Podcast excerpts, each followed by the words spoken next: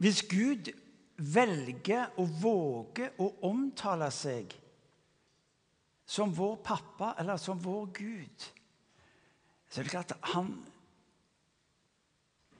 Han er jo åpen for overraskelse, er han ikke det? Noe av det kjekkeste jeg vet med spesielt med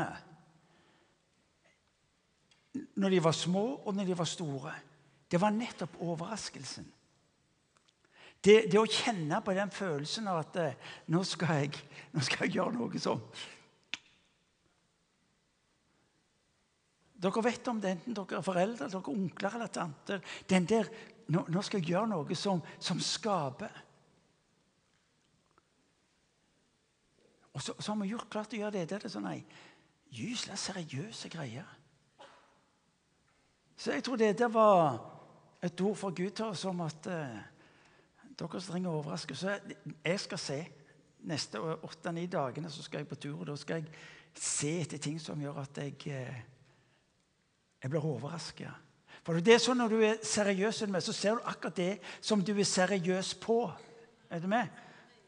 Men altså, alt du du, du, du, må jo drukne for du skal oppdage hva det er for noe. Da er det jo for seint.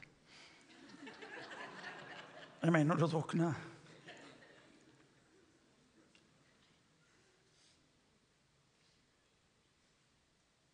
Tror vi virkelig at Gud, som har skapt alt det vakre som er rundt oss, er fri for denne her overraskende jeg kunne sagt litt impulsive ønske om å overraske oss.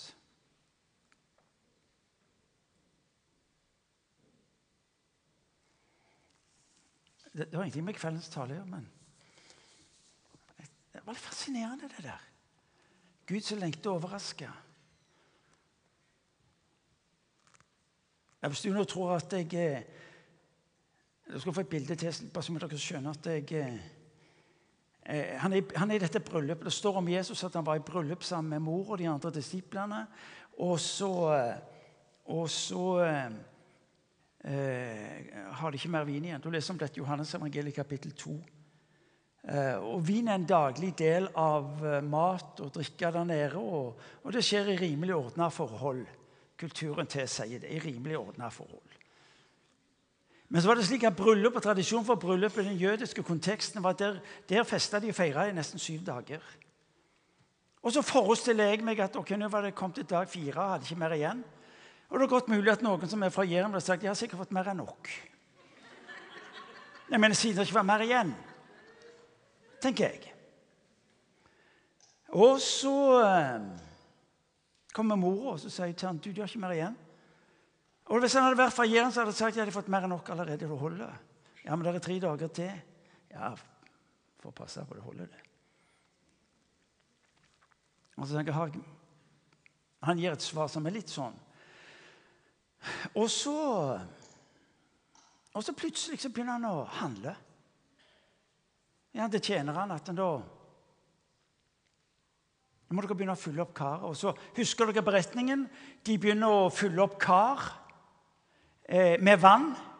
Og det var ikke noe sånn spring du gikk til. Det, måtte, det var brønn. Og det var ca. 700 liter. 700 liter tatt opp ifra en drøm, brønn, drøm, brønn. Det er rimelig mye, det. Ja, Du sitter der og tenker Var det noe? Ja, kom igjen. Gå hjem og begynne å lufte opp 700 liter med, med vann. Og så heller de oppi det som de kalte for renselseskaret. Det var, det var der de vasket beina og hendene fordi at de skulle være skjebelige når de skulle spise og ta del i festen.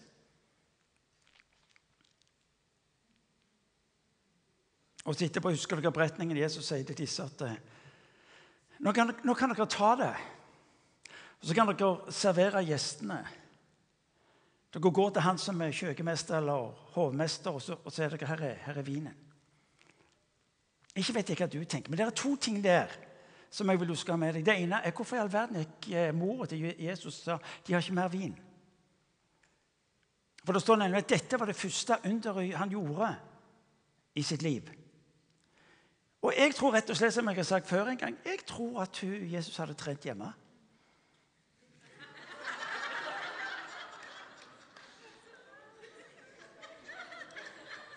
Det har du aldri tenkt på, har du vel? Ja, Hvordan jeg vet det? Nei, jeg vet ikke, men hvorfor ikke kan like gjerne være sant? det som det? Ja. Er du med?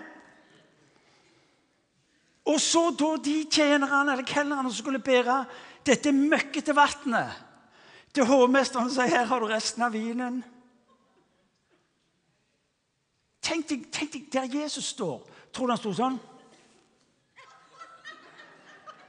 For det er jo seriøst Guds rike.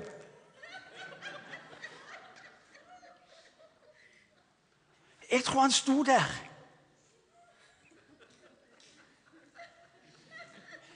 Når de kom bærende med det de trodde var vin. Når de visste det var vann. Skjede i tillegg. Og så kommer de bort til hovmesteren, og så smaker han, så sier han ja, men dette var jo rart. Aldri smakt en så god vin. Vanligvis bærer de fram den dyreste først, og så utvanna til slutt. Men han elsker å overraske. Og det er godt mulig, hvis det var meg som hadde skrevet Johannes evangeliet kapittel 12, så hadde det kanskje stått noe slik som at aldri gikk ryktene om en slik en fest som etter den festen for alle gjestene gikk hjem rimelig prisene. Fulgt opp av en vin de aldri tidligere hadde vært i nærheten av. Overraska. Vær åpne for alt. Så får vi se.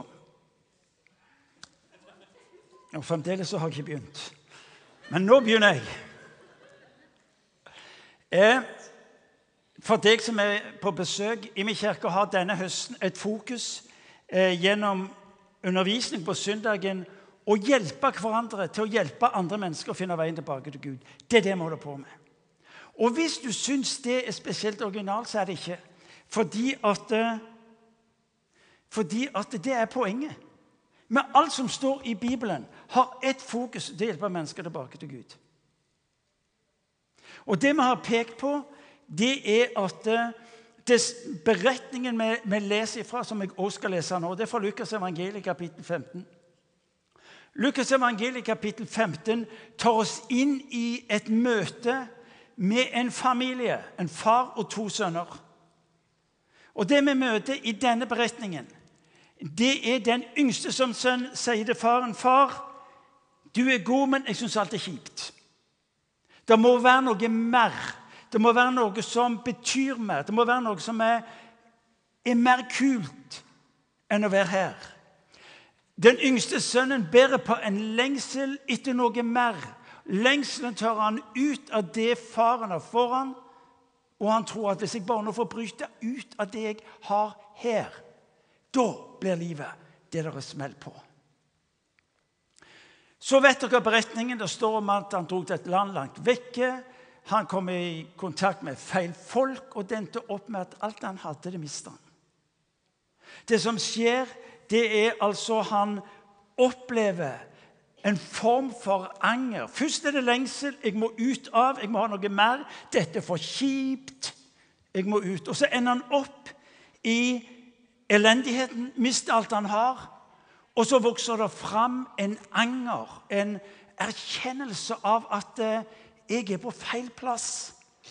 Her jeg nå er, jeg på et vis låst. Omgivelsene, omstendighetene, gjør at jeg kommer ikke videre. Og så kommer han altså videre til å begynne å snakke om hvis jeg skal videre, så klarer jeg ikke dette på egen hånd. Og så begynner han å tenke. Han begynner å tenke på det han hadde. Han tenker på en far som en gang demonstrerte for ham raushet, godhet, nærhet og det han trengte.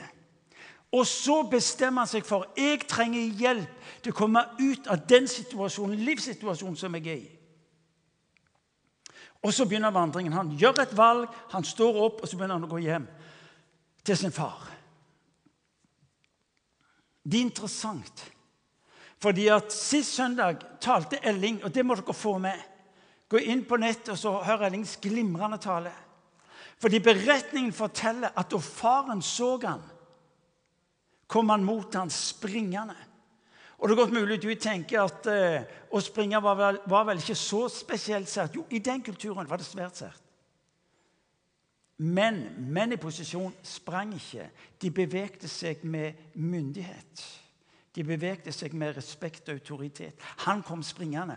Og når de sprang i den tida, så sprang de ikke med bukser, de sprang med sånn Jeg kaller det for kvinnelige klær. Er du med? Jeg har aldri skjønt hvorfor uh, Dette er en lekkasje. Men jeg har aldri skjønt hvorfor prestene går rundt med kvinneklær. Er du med? Ja, det var en lekkasje. Men kan dere se han for dere der han kommer springende? Og han springer som en gal. fordi han har sett sønnen. Vet du hva som er det interessante her? Det er at Sønnen ser sannsynligvis faren før faren ser han. Faren er gammel. Synet er dimma. Han ser ikke klart. Sønnen ser faren før faren ser han. Og da aner jeg hva spørsmål sønnen har. Hva er det jeg møter når jeg kommer hjem? Og så møter vi beretningen om en Gud som står opp samler opp. Og så begynner han å springe, springe mot sønnen for å møte sønnen der sønnen er, ikke hvor sønnen skulle være. Se på denne videoen.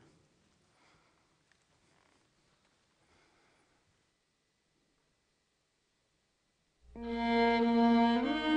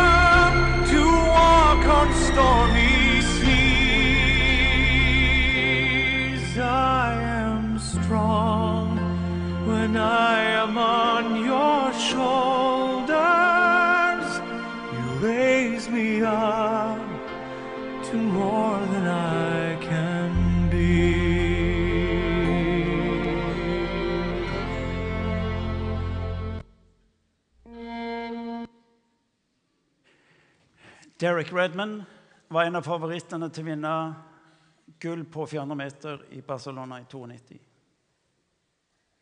Han vant ikke løp, men han fullførte det. Og Det vi møter fra denne beretningen om Derek Redman, det er at noe smalt i kroppen hans, i foten hans, i låret, og reiv av noen muskler som Johan kunne ikke fullføre. Når du og meg leser i Bibelen fra Lukas 15, så er det historien om en ung mann. Det var noe som smalt i hans liv. Men det som jeg vil du skal få tak i i kveld, det er én ting historien om han. Men hvem er han som forteller? Hvem er han som gir deg nærhet til en historie? Et liv? En mann som er nær når tingene skjer. Hvem er fortelleren? Hvem er formidleren? I denne historien blir han selve nøkkelen til om du og meg skal forstå hva, historien betyr nettopp for deg og for meg. Hva er det som gjør denne historien så spesiell? Kanskje fordi det er historien om deg og meg. Kanskje fordi det er en historie om oss alle som er inne. En historie som forteller at mennesket er langt ifra det stedet skulle være. Og forfatteren er en som sier 'Jeg vil gi mennesket en vei tilbake til Gud'. Hjelpen har et navn. Navnet er Jesus Kristus. Men hvem var han egentlig? Da jeg som 17-åring møter kristendom uten å ha noen kristen bakgrunn, ble dette et avgjørende spørsmål. Er det mulig at Jesus kan lyve? Er det mulig at det Jesus sier om seg, sann, om seg sjøl, er det mulig at det er løgn, eller må det være sannhet? Er det mulig at et av de mest unike mennesker omtaler seg sjøl på den måten som han gjør?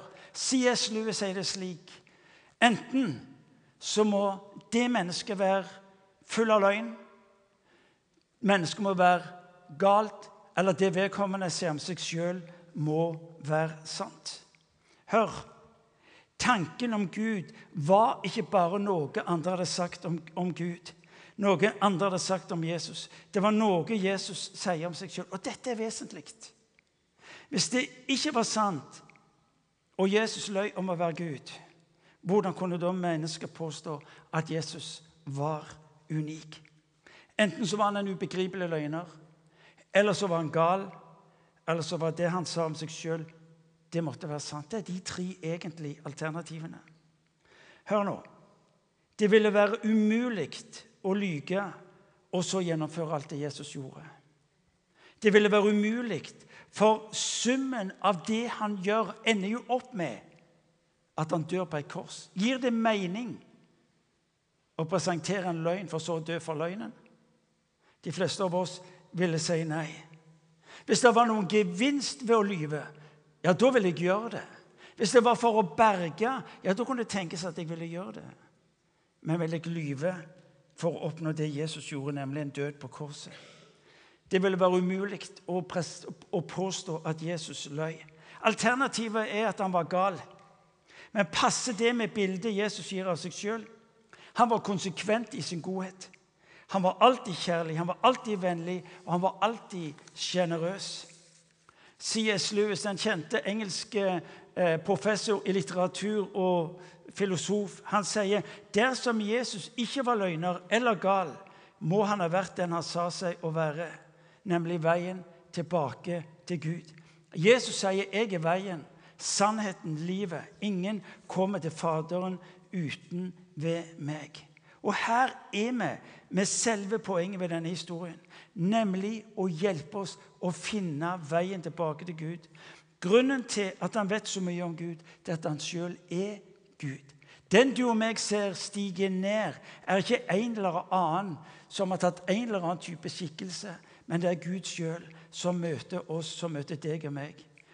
Ikke en Gud langt der ute, fjernt, fraværende, utilnærmelige.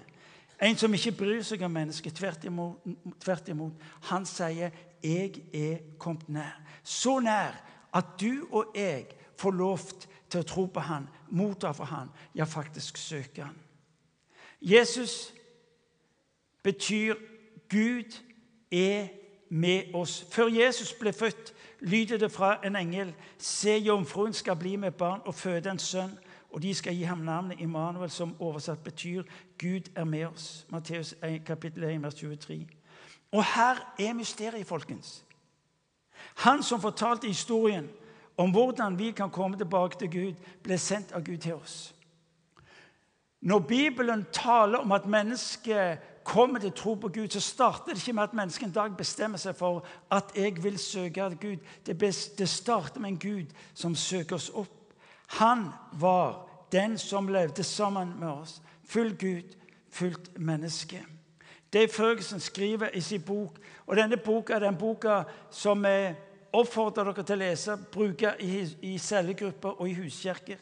Dave Ferguson skriver i boka at veien tilbake til Gud er at forfatteren bak historien om den bortkomne sønnen har skrevet seg selv inn i historien ved å komme til jorda og leve blant oss og sammen med oss. Mennesker har gjennom alle tider forsøkt å, å skape et bilde. De har spurt hvordan ser Gud, hvem er han? Ved det det skapt religioner, ved det det skapt mange historier mange bilder. Men i Jesus ble Gud en del av historien, sier Dave Ferguson. Og vår historie blir slik at du og meg får lov til å lære Han å kjenne. Immanuel, Gud med oss. Dette er unikt for Jesus. Og Det er grunnen til at du og meg kan finne han, nemlig at han har kommet oss nær. Gud med oss. Jesus er lik Gud med oss. Det andre jeg vil du skal få tak i, denne kvelden, det er at Jesus er Gud for oss. Eh, historiefortelleren er noe mer enn en som forteller at han har kommet til jord for å være sammen med mennesket. Jesus demonstrerer også sin kjærlighet til oss. Hans hovedbegrunnelse for å komme var nettopp frelse. Kristendom er, er ikke primært å få en ekstra vakker kulør til livet. Kristendom er å skulle få lov til å erfare at Gud er god. Hans begrunnelse for å komme var frelse, frelse fra død, dom og evig fortapelse. Og Dette er egentlig vanvittig. Allmaktens Gud demonstrerer sin kjærlighet. Uhørt alt annet i historien. Ved å dø for de som ikke fortjener det. Ved å dø for de mennesker som ikke lover at de vil gi noe tilbake. Ved å dø for de mennesker som ikke er opptatt med å skulle tilbe ham og følge ham etter. Når Jesus dør på korset, har han ingen garanti for at noe menneske vil følge ham. Men han dør fordi han elsker mennesket. Hvorfor dør han? Jo, fordi han elsker mennesket.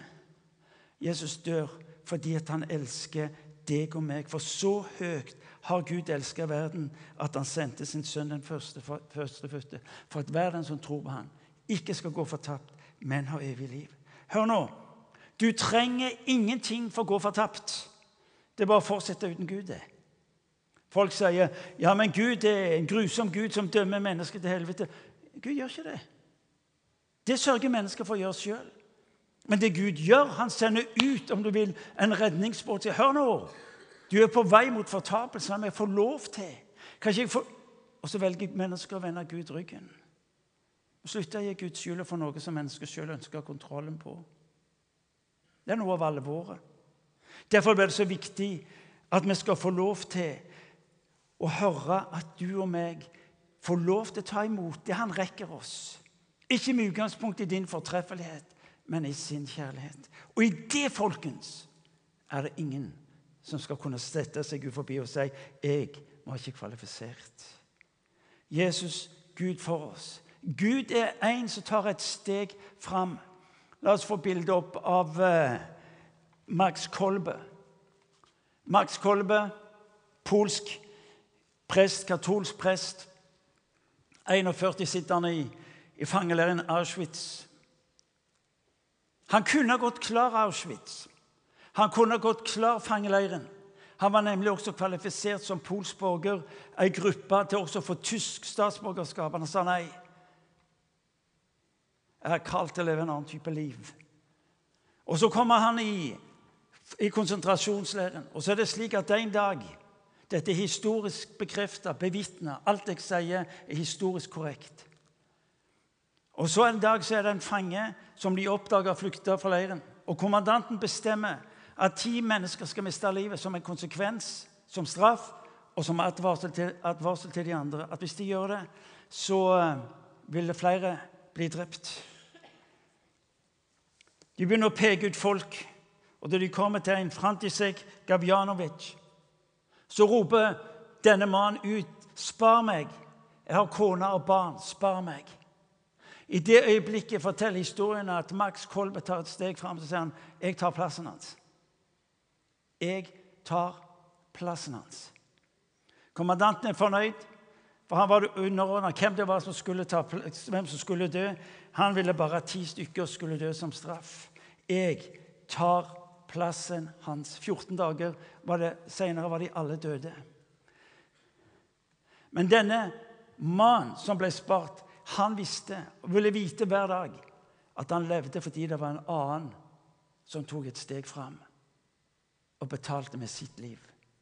Det er et bilde på denne Kristus, om det Jesus sto for oss. Han dør i vårt sted. Han er en Gud som er for oss. Bibelen kaller dette for forsoning. Det vil si å gjøre opp for alt det galne og forene oss med Gud. Det kunne vi ikke gjøre på egen hånd. Vi trengte hjelp. Jesus tar et steg fram, og han tar vår plass. Dette er for meg noe av det mest ubegripelige vi skal tro på Jesus. At han tar et steg fram og sier, 'Martin, jeg tar din plass.' Jeg hadde ingenting å tilby, jeg hadde ingenting å rekke han, men han tar min plass. Han er med oss, og du vet nå at han er for deg. Til slutt sier han, 'Jeg vil også la meg finne, la meg finne av deg.' Forfatteren av historien sa en gang, 'Når dere kaller på meg, kommer for å be til meg, vil jeg høre på dere. Dere skal søke meg, og dere skal finne meg. Og når dere søker meg av et helt hjerte, lar jeg meg finne, sier Herren.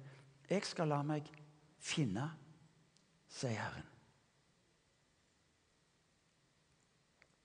Jeg utfordrer deg. Jeg utfordrer deg til å be bønnen. Gud, hvis du virkelig fins, så vis deg for meg har tidligere snakket om overraskelsen. Her skal du få lov til å være med og lære bønn. Gud, hvis du finnes, så vis meg. Vis det for meg. Og Jeg tror at du i løpet av de dagene som ligger foran, skal begynne å se livet på en annen måte. Jeg tror Du skal begynne å oppdage nye ting. Du vil oppdage at du begynner å se annerledes. Du tenker annerledes. At det som skjer, er ikke bare tilfeldigheter. Du vil oppdage at Gud oppsøker deg. Fordi, Hvorfor? Fordi han vil ha relasjon med deg. Når han omtaler deg som sønn, når han omtaler deg som datter, så er det fordi at han elsker deg. I Jesus kom Gud til jorda for å oppsøke mennesker. Det er det vi, det er det vi har som kirke. Fordi at han vil ikke at noen skal gå fortapt, men at alle skal nå fram til omvendelse. Det sier Gud til oss i sin bibel. Gammelt nytt. Ja, dette har du hørt før. Ja, det er mulig du har hørt det før, men det er godt mulig du må høre det igjen. Kanskje er du her inne som ikke har noe forhold til Jesus. Du tror ikke på han. Da skal du vite at Gud har ordna en vei tilbake til Gud. Jesus kaller den veien for Jesus. Men kanskje er du her inne som også hadde en vandring med Gud for lenge siden, for mange år tilbake. Kanskje var det slik at det, det var noe som stoppa opp. Du hadde en hendelse i livet som forsterka noe. Og så var det noe som brant opp, og så, og så, og så ble du liggende bakpå. Det var noe du mista, det var noe som ble utydelig i livet ditt. Finne veien tilbake til Gud. Det gjelder oss alle sammen, det. Det gjelder mitt liv til tider, så er det ting som skjer, og så, og så må jeg òg finne veien tilbake. Hvor jeg kan få lov til å ha den relasjonen som jeg vet jeg skal få lov til å ha med Jesus Kristus. Enten ting jeg gjorde, eller ting jeg ikke gjorde. Å finne veien tilbake. Når han er fjern for deg, kanskje sitter du der og så lengter du egentlig tilbake til et liv du kjente fra tidligere. Nærhet. Du visste han var der. En relasjon som ga trygghet, som ga forventning. Du kan velge han igjen. Enten du aldri har kjent han, eller du vet at jeg har kommet på avstand ifra han. Du kan velge han igjen på nytt nå. Du kan bestemme deg for å følge han nå igjen. Det er bare å omvende seg. Hva vil det si å omvende seg? Det å skifte sinn, sier Bibelen. Det betyr å, å våge å se han som han er, ved å ta imot hans nåde og begynne på nytt. Han er ekspert på det der å starte på nytt i mennesker sitt liv. Hør, beretningen om den bortkomne sønnen er egentlig et bilde av en Gud som roper til deg. Som roper om at du er velkommen hjem. La oss reise oss og la oss be.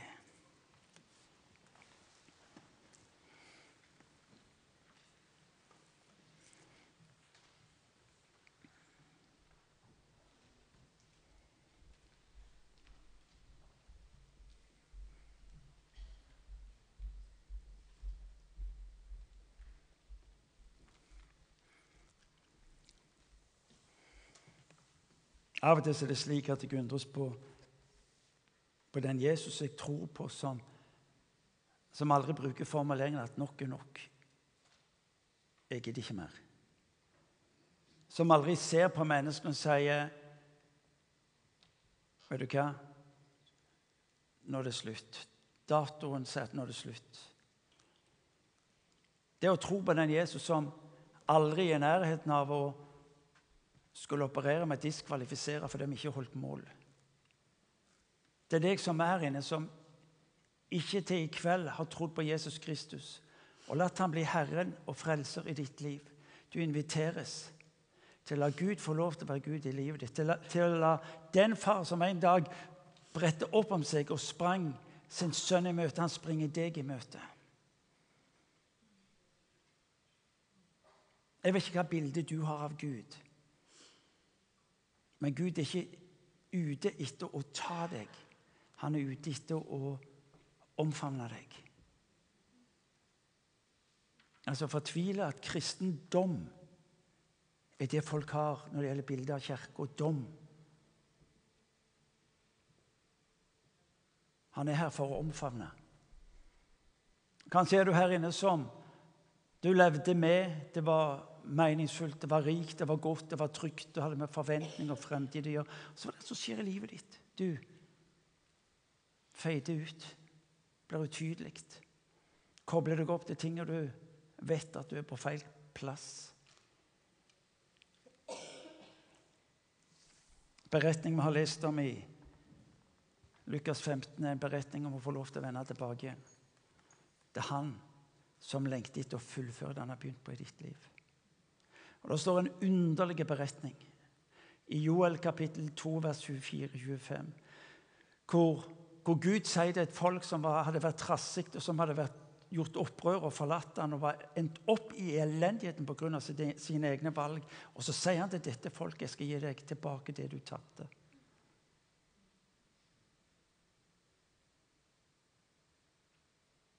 Det er den Gud vi tror på. Det er den Jesus vi tilber.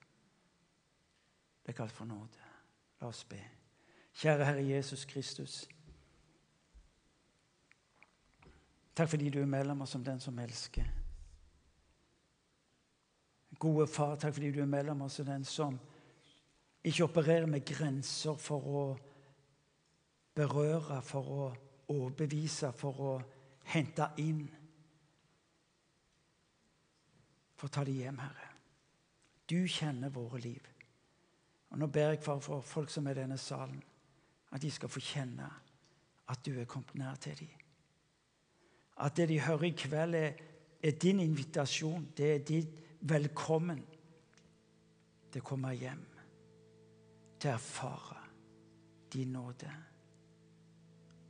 For du ser de som ikke kjenner deg, de som har bare hørt bilder, men ikke skjønner og ikke forstår. Far, jeg ber du skal komme til dem med din ånd.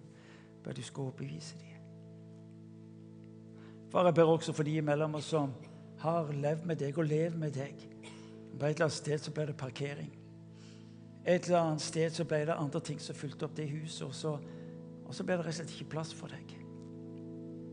Far, jeg ber om at du skal komme til oss, tale til oss, sette oss fri, Herre, fra alt det som parkerte oss. Slik at også vi her kan få lov til å finne veien tilbake slik at vi sammen med deg kan fullføre det du har for oss og med oss. Herre Jesus Kristus, vi tilber deg. Vi opphøyer opphøye ditt navn. Takk fordi du er mellom oss som den som elsker. alltid.